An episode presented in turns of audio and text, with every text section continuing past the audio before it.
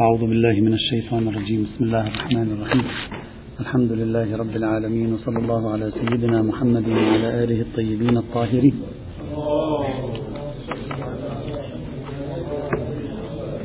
قلنا في هذه القاعدة نريد أن نتكلم في فرضيتين. الفرضية الأولى هي فرضية آه، تأليف القلوب وتواصل وتعايش وتقارب ما شئت فعبر. تكلمنا عنها وذكرنا لها دليلين أساسيين هما آه، فكرة المؤلفة قلوبهم الواردة في الكتاب والسنة وفكرة العطاء. وقربنا دلالة هذين الدليلين وقلنا بأنهما لا يدلان بشكل مطلق بل يدلان بشكل جزئي. وحددنا مساحة الدلالة التي يمكن لمثل هذه الأدلة أن تعطيها حتى لا يعني نبالغ في آه، مقدار دلالة هذا النوع من الأدلة. لكن قبل أن ننهي هذا البحث لا بد أن ننتقل إلى الطرف الآخر وهو الأهم. توجد فرضية أخرى وهي أن الأصل في العلاقة مع غير المسلم هي الشدة والحدة والغلظة وعدم المودة. هذه فرضية لا بد أن نقف عندها بل هي التي استدل لها. سأسميها فرضية عدم التأليف فرضية الشدة ونفي المودة. ما شئت فعبر سميها ما شئت. ماذا تقول هذه الفرضية التي يؤمن بها الكثير من الفقهاء المسلمين؟ تقول الأصل في العلاقة مع غير المسلم إلا ما خرج بالدليل أننا على قطيعة معهم نتعامل معهم بغلظة بشدة بعبوس بنوع من الحاجز بيننا وبينهم لا مودة بيننا وبينهم لا محبة بيننا وبينهم أبدا إلا ما خرج بالدليل. هذه مقتضى هذه الفرضية آه، التي يمكن أن تدعى هنا. وبالتالي هذا الكلام عن تأليف القلوب وما تأليف القلوب وأنه تعايش هذا كله يصبح بلا معنى أصلا.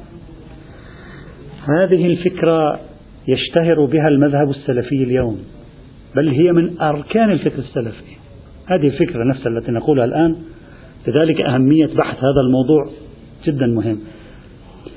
من أركان التفكير السلفي في العلاقة مع الآخر هي هذه الفكرة. أن القرآن والسنة والصحابة والسلف الصالح و و وإلى آخره قرروا جميعا أن العلاقة مع الآخر الديني هي علاقة نفي مودة قطيعة شدة وغلظة أشداء على الكفار رحماء بينهم. واغلظ عليهم. هذه القواعد. يخرج بالدليل شيء هنا شيء هنا لا بأس. وإلا الأصل هو هذا المبدأ الأساسي. إلى حد. الشيخ القرضاوي قبل بضع سنوات قال كلمة تتصل بالمودة والمحبة. فطبعا قامت عليه يعني حملة من قبل التيار السلفي إنه كيف هذا خرق لقاعدة نفي المودة. قاعدة الغلظة والشدة مع غير المسلمين. فخرج كلامه وقال أنا كنت أقصد حالة محددة وهي عبارة عما إذا تزوج الإنسان امرأة غير مسلمة. والقرآن يقول جعل بينكم مودة ورحمة فهذه خرجت. إلى هذا الحد. فمن أركان التفكير السلفي في العلاقة مع غير المسلمين وطبعا في العلاقة مع المسلمين هم أيضا.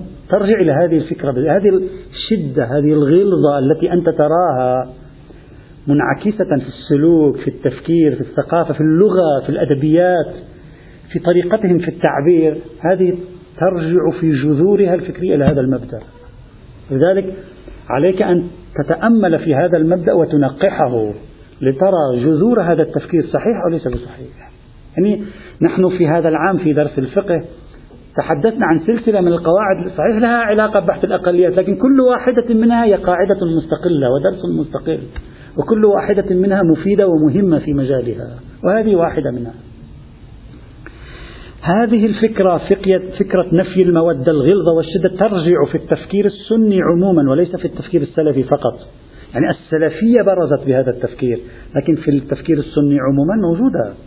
ترجع إلى فكرة أخرى الولاء والبراء. هذه موجودة في الاجتهاد السني موجودة في التفكير الكلامي القرآني السني بقوة. أن الإسلام بني على كونه عملة ذات وجهين من جهة هناك ولاء ومن جهة هناك براء. يعني الموالاة والتبري. التبري والتولي نفس مفهوم التبري والتولي. الفكر السني الفقه السني الاعتقاد السني فكرة الولاء والبراء ينزلها على العلاقات مع غير المسلمين. لذلك تجدها أين دائما في البحوث المتعلقة بالعلاقات مع غير المسلمين. بينما الفكر الشيعي خاصة الإمامي هذا المفهوم أين يظهر أكثر؟ في داخل العلاقات بين المسلمين. وهذا فرق مهم. ليس بمعنى أن الفكر الشيعي الإمامي لا يؤمن بالولاء والبراء خارج إطار العلاقات مع المسلمين. يعني في العلاقات مع الكافرين يؤمن به. ليس أنه لا يؤمن به يؤمن به. لكن عبر التاريخ فكرة الولاء والبراء فكرة التولي والتبري برزت أكثر في الثقافة وفي الأدبيات التاريخية والعقائدية والفقهية شيعيا برزت في العلاقات بين المذاهب داخل الإسلام. بينما عند السنة برزت أكثر في العلاقات ما بين المسلمين وغير المسلمين.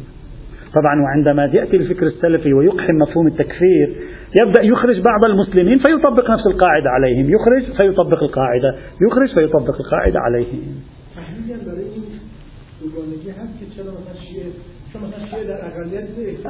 أعتقد أعتقد موضوع تاريخي احتكاك الشيعة بوصفهم أقلية عبر التاريخ مع الأغلبية السنية دائما كان أكثر توترا وسعة من احتكاكهم مع غير المسلمين. عبر التاريخ هذا موجود وبالنهاية الأقلية تريد أن تحافظ على هويتها. إلى الآن الآن مثلا في الفكر الشيعي الآن في التربية أنا لا أريد أدخل في هذا الموضوع فقط أريد أن أشير إليه إشارة لأنه ليس بحثا أصلا. هناك من يعتقد أن هذا نصف تشيع إذا أنت تتولى ولا تتبرى نصف شيعي. لأن موضوع التبري من أعداء آل محمد عليه الصلاة والسلام موضوع التبري من حتى من أبناء المذاهب الأخرى في بعض بعض التيارات. حاضر بقوة يعني. فعلى أي حال. إذا فكرة آه، مبدأ نفي المودة مبدأ الغلظة مبدأ الشدة يرجع في روحه إذا أردت أن تفتش في أصوله حتى تعرف وين هذا البحث نجده وين أدلة هذا البحث. يرجع في أصوله إلى ما يسمى بمبدأ الولاء والبراء. في أدبيات الفقه السني وفي أدبيات علم الكلام السني والذي برز بقوة مع الفكر السلفي. أما شيعيا هذا المبدأ لا تكاد تجد له سعة في موضوع العلاقة مع الكافرين. أكثر شيء تجده يتسع أكثر ويظهر إلى السطح أكثر في العلاقة داخل المذاهب. وهذه يعني هذا فارق أساسي فارق تاريخي على أي حال مطروح في هذا المجال. مثلا يوجد بحث فقهي سني وتجد له حضور بسيط في الفقه الشيعي. هل يشترط في الإسلام؟ وفي سؤال ثاني هل يشترط في الإيمان البراء أو لا؟ يعني مثلا جاء شخص إلى الرسول صلى الله عليه وسلم أنا أسلم أنا أريد أن أسلم. فماذا يطلب منه النبي؟ كشرط للإسلام أو كشرط للإيمان على الخلاف بينهم في هذه القضية؟ هل يكفيه أن يوالي أن يقول الله واحد أنت رسول الله أو لا بد أن يقول الله واحد وأنا أكفر بالأصنام. أنت رسول الله وأنا أكفر بغيرك.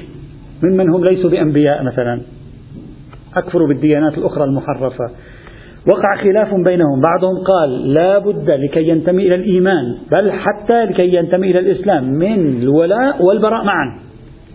وبعضهم قال لا يكفي الولاء. لا يحتاج إلى أكثر من ذلك. مثلا أنت تجد هذا البحث قليلا في بعض المصادر الفقهية الشيعية. مثلا علامة الحلي يتعرض له في بعض كتبه مثل قواعد الأحكام. الشيخ المحقق الحلي أيضا في الشرائع. اللاحقون أيضا يشيرون إليه لكن يشيرون إليه بسرعة. عادة لا يأخذ حيزا.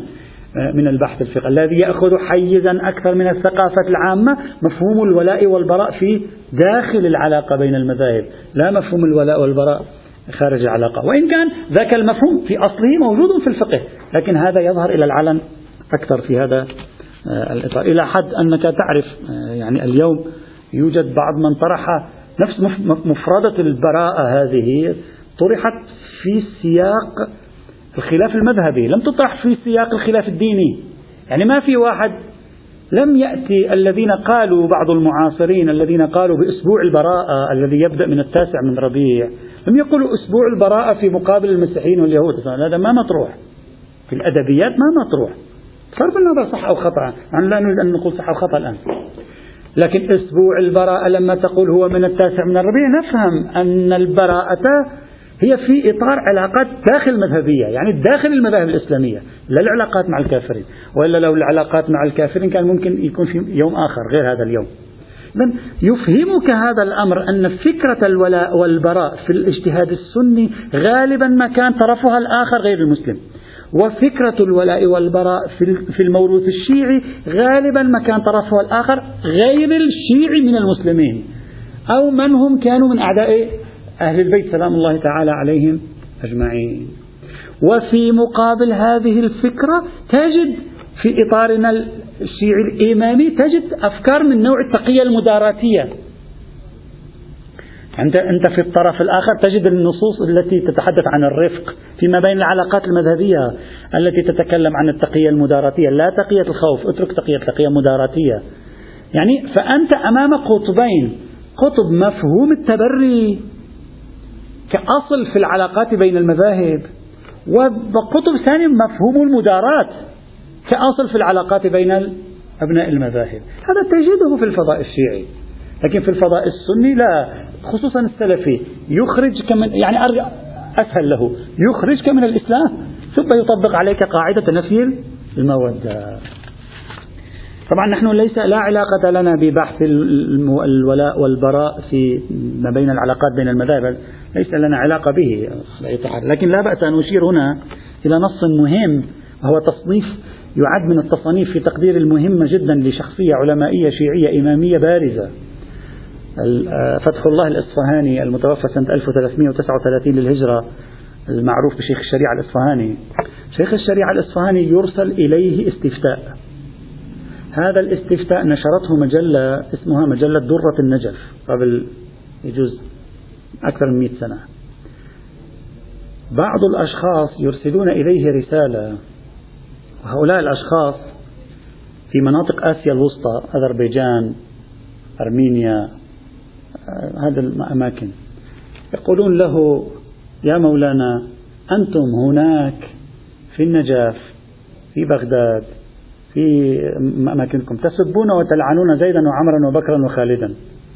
ونحن هنا نقتل بسبب ذلك. فما الأمر؟ ماذا ترى؟ هذا السؤال هكذا. يقول أنتم هناك أمركم سهل يسير. تسبون زيدا وعمرا وبكرا وخالدا.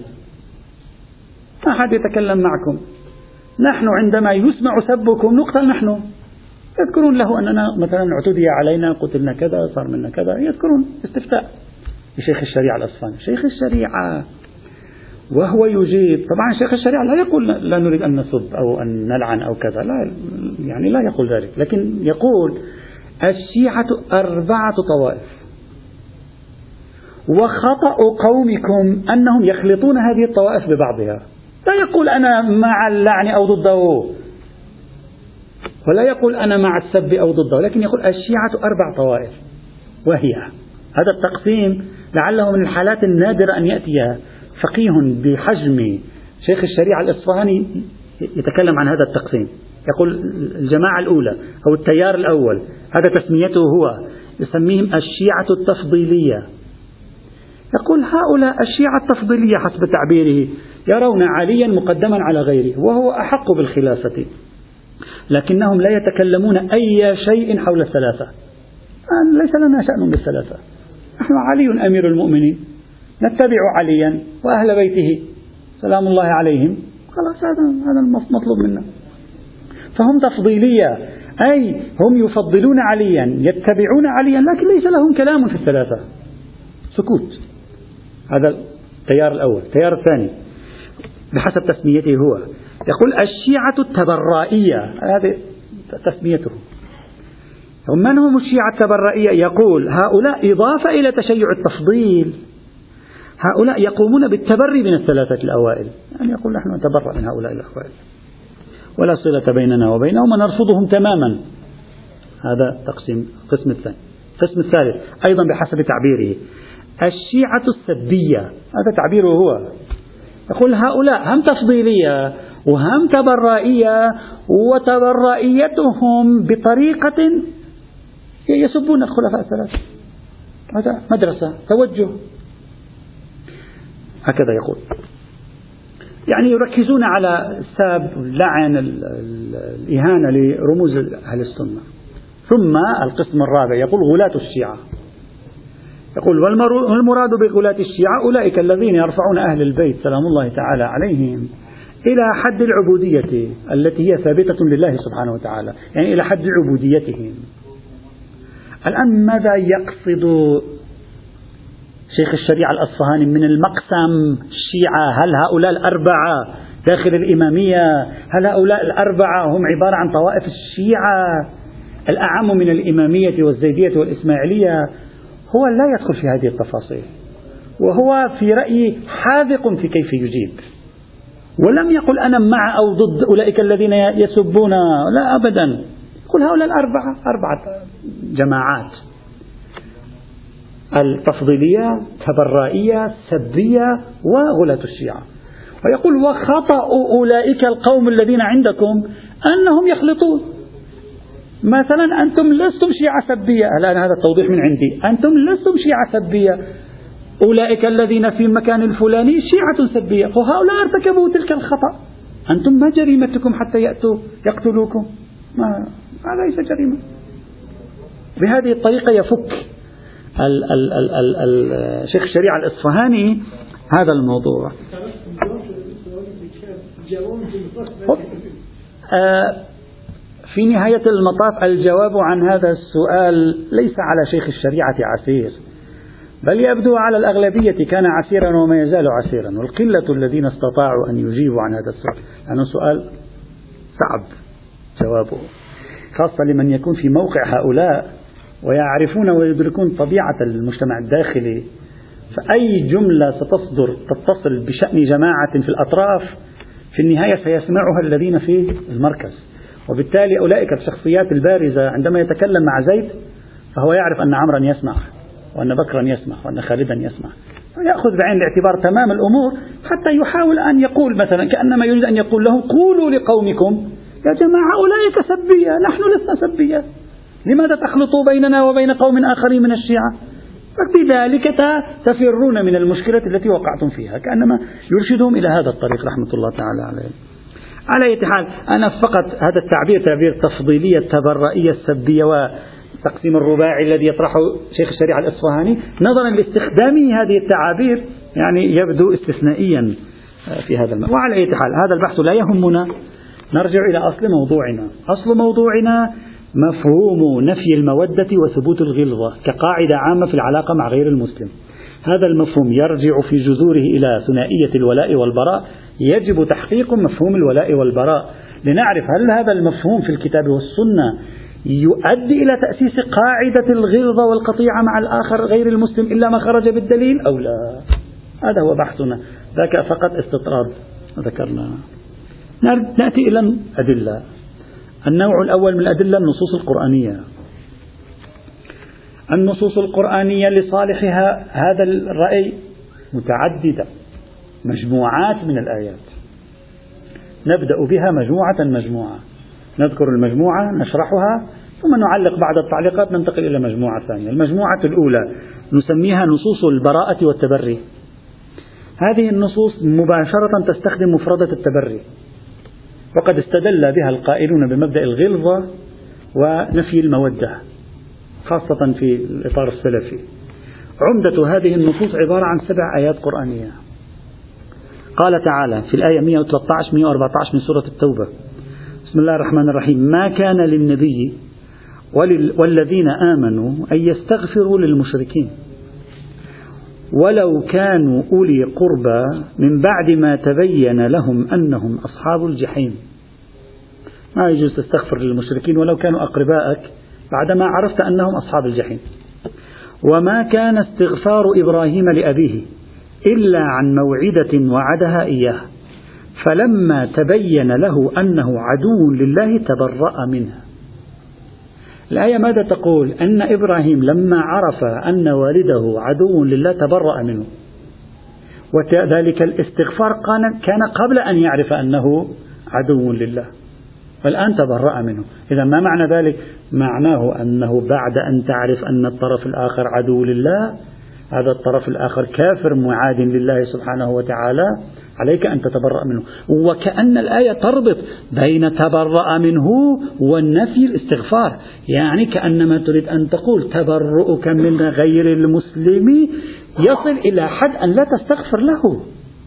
وأنت بعد اذهب فيها. اذهب في مخيلتك لتتصرف حتى أن تطلب الرحمة من الله له يقول القرآن يقول لك لا تفعل ذلك. إذا ما معنى التبري؟ التبري هو مرتبة من القطيعة والعلاقة مع غير المسلمين تصل إلى حد أنك لا تستغفر الله له.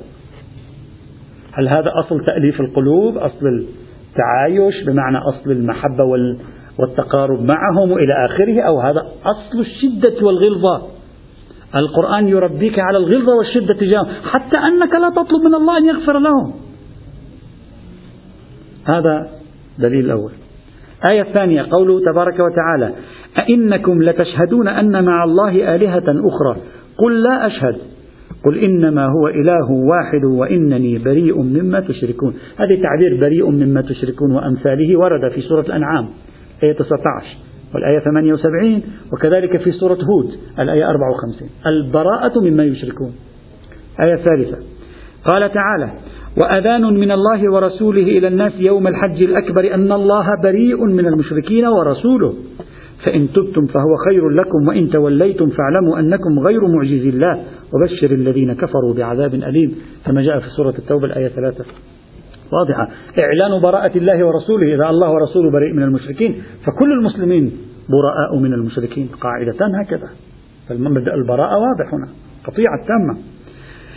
الآية الرابعة سورة يونس الآية 41 قوله تبارك وتعالى وإن كذبوك فقل لي عملي ولكم عملكم أنتم بريئون مما أعمل وأنا بريء مما تعملون. تمام البراءة بيننا وبينكم. الآية الخامسة. قوله عز وجل في سورة هود الآية 35 أم يقولون افتراه؟ قل إن افتريته فعلي إجرامي وأنا بريء مما تجرمون. الآية السادسة ما قبل الأخيرة في سورة الزخرف الآية 26 قوله عز وجل وإذ قال إبراهيم لأبيه وقومه إنني براء مما تعبدون. والآية السابعة وهي أهم آية هي والآية الأولى. السابعة أهم آية هي والآية الأولى بل هي أهم من الآية الأولى في قوة الدلالة لمصلحة مبدأ الغلظة ونفي المودة. قوله تبارك وتعالى في الآية الرابعة من سورة الممتحنة بسم الله الرحمن الرحيم. قد كانت لكم أسوة حسنة في إبراهيم والذين معه. ما هي هذه الأسوة التي علينا أن نتبعها في سنة إبراهيم عليه السلام؟ إذ قالوا لقومهم إنا براء, براء منكم ومما تعبدون من دون الله كفرنا بكم. نحن بريئون منكم ومما تعبدون من دون الله كفرنا بكم وبدا بيننا وبينكم العداوة والبغضاء. القاعدة هي أن إبراهيم ماذا فعل؟ والذين آمنوا معه. جاءوا إلى قومهم قالوا نحن بيننا وبينكم براءة. نكفر بكم ونكفر بما تعبدون. وبيننا وبينكم العداوة والبغضاء. وبدا بيننا وبينكم العداوة والبغضاء أبدا. متى تنتهي العداوة والبغضاء؟ حتى تؤمنوا بالله وحده. يعني بيننا وبينكم العداوة بيننا وبينكم البغضاء. لا المودة لا المحبة لا الألفة لا رقة القلب لا اللين حتى تؤمنوا بالله وحده. ثم يقول لك هذا قول إبراهيم وقوم والمؤمنون مع إبراهيم. والمؤمنين مع إبراهيم. وهم أسوة حسنة لكم. إذا ما المفروض أن نفعل؟ المفروض أن يكون القاعدة هي أن دائما نقول لغير المسلمين نحن بريئون منكم نحن بريئون مما تعبدون كفرنا بكم بيننا وبينكم العداوة والبغضاء. حتى تؤمنوا بالله وحده. إذا آمنوا أهلا وسهلا. ما آمنوا؟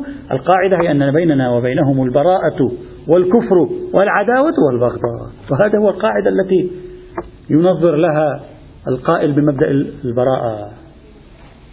إلا قول إبراهيم لأبيه لأستغفرن لك وما أملك لك من الله من شيء. ربنا عليك توكلنا وإليك أنبنا وإليك المصير. هذه المجموعة تؤكد على مفهومين. المفهوم الأول التبري من أعمال غير المسلمين.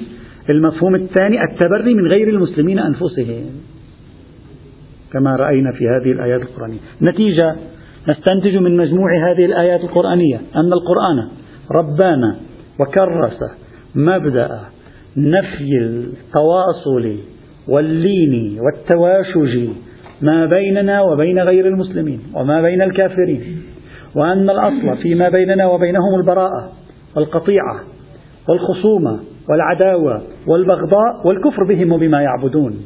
إلى حد أننا لا نطلب لهم المغفرة. بدك قلوب أشد من هذه؟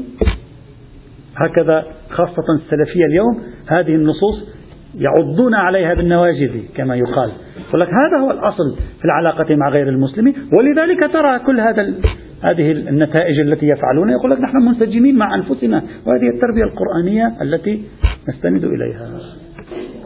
طبعا عفوا عفوا معذرة. عندما أقول السلفيين يقولون ذلك لا أريد أن أقول الدليل باطلها لا أريد أن تتصور السلفي بعض السلفية ماذا يفعلون. لا لا لا. أقول هذا في النهاية هو الدليل الذي يعقد في هذا الباب وبالتالي علينا أن نتأمل في الدليل. بصرف النظر عن موقف من السلوك. نعم يوجد هذه المجموعة الأولى. نحن قلنا في مجموعة نعم قلنا في مجموعات. المجموعة الأولى من الدليل القرآني مجموعة البراءة والتبري أطلقنا عليها. جمعنا النصوص ذات الصلة بالبراءة والتبري بهذا اللسان فكانت سبع آيات قرآنية. بعد سيوجد آه، ألسنة أخرى إن شاء الله تعالى. بل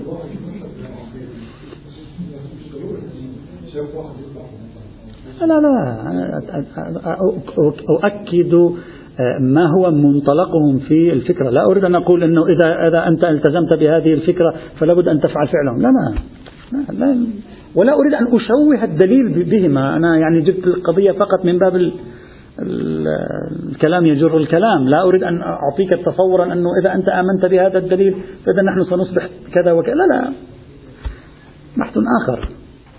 بل, بل, بل في رأيي ما دمت تبحث في هذا الدليل حتى سلوكهم ممكن يكون صحيح. الآن عليك أن تقول كل الاحتمالات مفتوحة وعلينا أن نبحث لنرى أين نصل.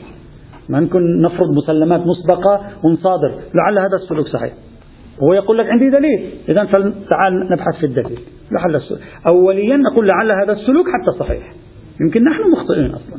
نحن إلى حد أصبحنا أصلا لا نعيش حساسية الشدة اتجاه غير المسلم. وهذا خطأ مثلا. كل الفرضيات لازم نضعها وننظر في الآيات القرآنية لنرى ماذا تعطينا إن شاء الله. هذا حاصل الاستدلال بهذه المجموعة. هذه المجموعة لنا معها وقفات مختصرة سريعة. لنتأمل في مقدار دلالة هذه المجموعة على مبدأ نفي المودة وإثبات الغلظة والشدة في التعامل مع غير المسلم. الوقفة الأولى تحليل اللغوي لكلمة البراءة. يعني لابد نحللها لغويا لأن هذه المجموعة قائمة على مفردة البراءة وتصريفات هذه المفردة. ما معنى البراءة أصلا؟ ما معنى هذه الكلمة؟ البراءة في اللغة العربية تعني الانقطاع خلوص الشيء من الشيء. نقول برئ الشيء برئ الشيء أي خلص من شيء آخر. انقطع عنه. ابتعد عنه. ما شئت فعبر فارقه. الآن انظر إلى الاستخدامات اللغوية العربية لكلمة البراءة. ستعرف القاسم المشترك بينها وهذا. انقطاع شيء عن شيء. خلوص شيء من شيء مفارقة شيء لشيء ابتعاد شيء عن شيء. مثلا نحن نقول البراءة من المرض. برئ فلان من مرضه ما معنى؟ إن انقطع المرض عنه. زال المرض عنه. ذهب المرض عنه. ابتعد المرض عنه. هذا. تخلص من المرض. مثال آخر. نقول البراءة من العيب والنقص. نقول حتى في الفقه يشترط في الكذا البراءة من العيب. يشترط في الأضحية أو يشترط في الكذا البراءة من العيب والنقص. ما معنى البراءة من العيب؟ يعني أن تكون خالصة منها بعيدة عنها منقطعة عنها لا تداخل بينها وبينها. يعني ليس فيه عيب. سالم. تعبير آخر سالم. مثال ثالث.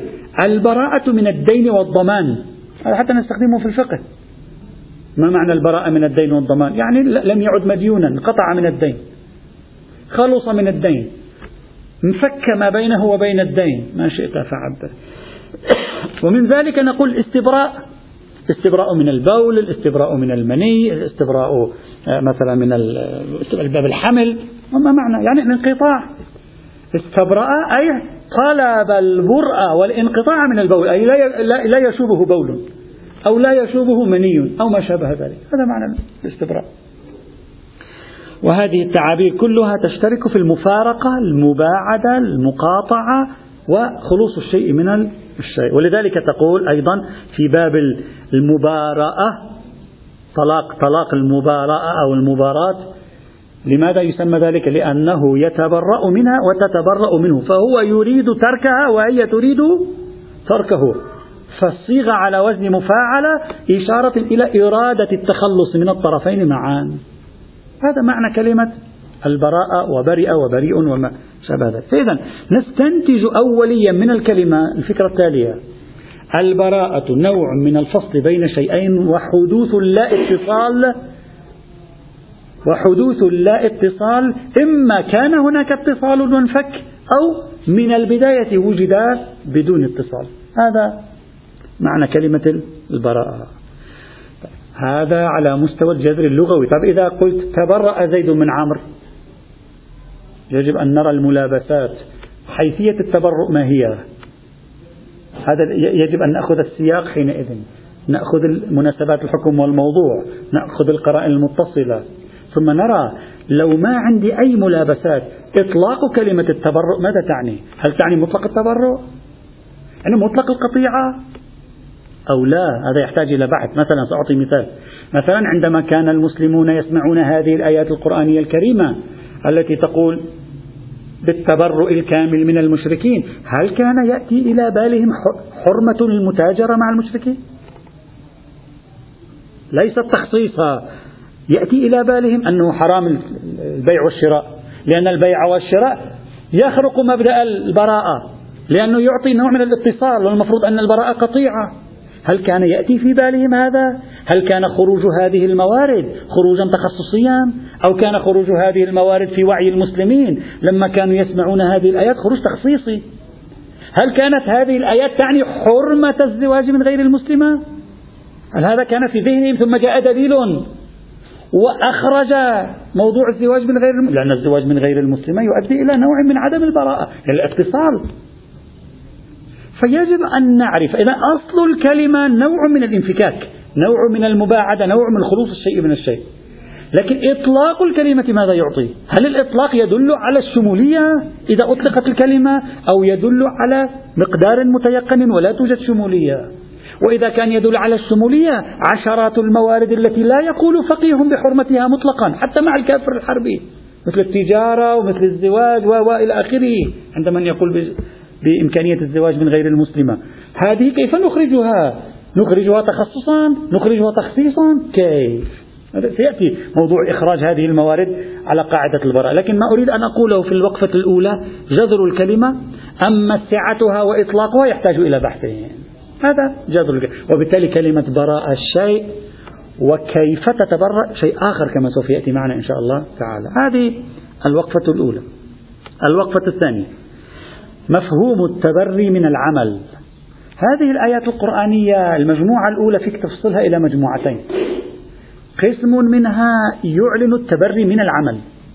قسم منها يعلن التبري من العامل. هذه لازم نفصلهم عن بعض. بس الآن اترك التبري من العامل. يعني براءة من المشركين. اتركها. خذ التبري من العمل. ما معنى التبري من العمل؟ أربع آيات هنا فيها تبري من العمل.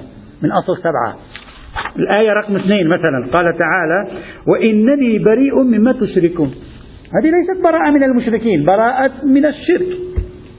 الآية رقم أربعة وأنا بريء مما تعملون. هذه براءة من العمل ليست براءة منهم. الآية رقم خمسة قوله تعالى وأنا بريء مما تجرمون. وكذلك الآية رقم ستة إنني براء مما تعبدون. إذا أربع آيات من أصل سبعة من هذه المجموعة براءة عمل.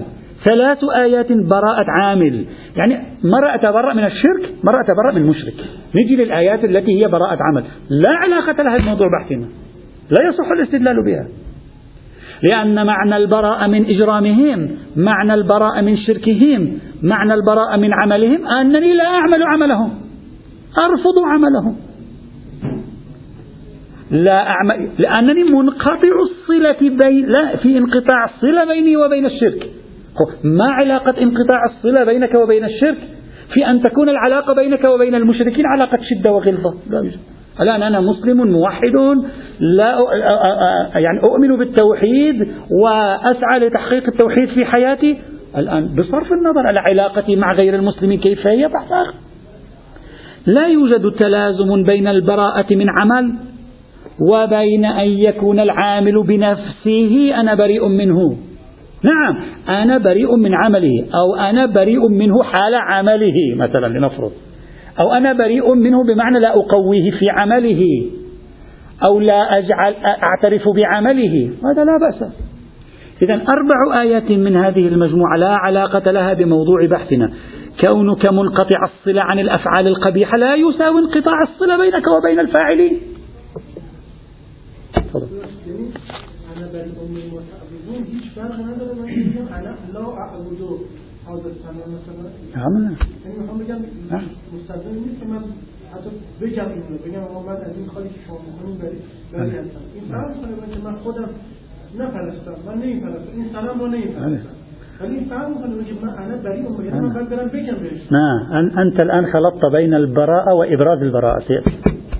هذه واحدة من مشاكلنا نحن لما نتكلم عن البراءة واللعن. فنقول البراءة تساوي اللعن. هذا إبراز البراءة. البراءة الانقطاع. لذلك قلت المعنى اللغوي أنا قبل قليل. البراءة ليس فيها إبراز الانقطاع. الانقطاع كأمر واقع. لذلك عمدا أنا بحثت عن المعنى اللغوي للبراءة. أنا بريء من شركهم يعني لا أشرك. يعني في بيني وبين شركهم قطيعة. في خلوص فيما بيني وبين الشرك. خلصت من الشرك. يعني موحد. أنا موحد. خلاص هذا هو. أنا بريء. ما قال؟ وقل أنا بريء. هذا بحث آخر. نعم هذا إعلان البراءة. بحث آخر سيأتي. يجي معنا. إبراز البراءة. بحث آخر. نعم سيأتي. الآن فقط أقول أنا بريء. مما تشرك. ثم لو فرضنا إبراز البراءة. إبراز البراءة ماذا يعني؟ يقول يا جماعة أنا لا أشرك بالله. أنا أرفض الشرك. وهذه أي علاقة لها بموضوع مبدأ الغلظة وعدم التوالي؟ لا يوجد علاقة. ممكن أنا ليل نهار أقول لجميع الناس أنا لا أؤمن بالشرك أرفض الشرك وأدعو إلى التوحيد ولكن علاقتي بسائر البشر من غير المسلمين علاقة يمكن تكون محبة ومودة وإلى آخره ولكن أرفض شركهم. الآن أنت ألا ترفض عصيان العصاة؟ ترفضه وتتبرأ من العصيان ولكنك إذا كانوا مسلمين ويعصون ممكن أن تحبهم وتتودد إليهم وتكون علاقتك بهم طيبة لكن علاقتك بعملهم سيئة. لا بأس. إذا هذه الآيات الأربع لا علاقة لها بموضوع بحثنا لأن الاستدلال بها خلط بين البراءة من الفعل والبراءة من ذات الفاعل. وهذا عندنا نماذج له. أنت بريء من ظلم الحاكم. الفقهاء قالوا إذا أنت تعمل مع الحاكم العمل مع الحاكم إذا يؤدي إلى تقويته في ظلمه وفي إشكال. إذا يؤدي إلى تقويته بحيث يظلم هو. لا تقويته في ظلم فيه إشكال وإلا لا إشكال فيه. بعضهم هكذا يقول. وهذا نفس الشيء. مرة أنا علاقتي بهم تؤدي إلى تقوية كفرهم؟ لا بأس. نقول لا يجوز. أما علاقتي بهم لا تؤدي إلى تقوية كفرهم وشركهم؟ ما علاقتها بهذه الآيات؟ ليس لها علاقة. إذا بقيت عندنا ثلاث آيات قرآنية في الحقيقة. الآية الأولى يعني غير الآيات التي قرأناها والآية الثالثة والآية السابعة عمدة الأدلة خاصة الأولى والثالثة. يأتي إن شاء الله تعالى. الحمد لله رب العالمين.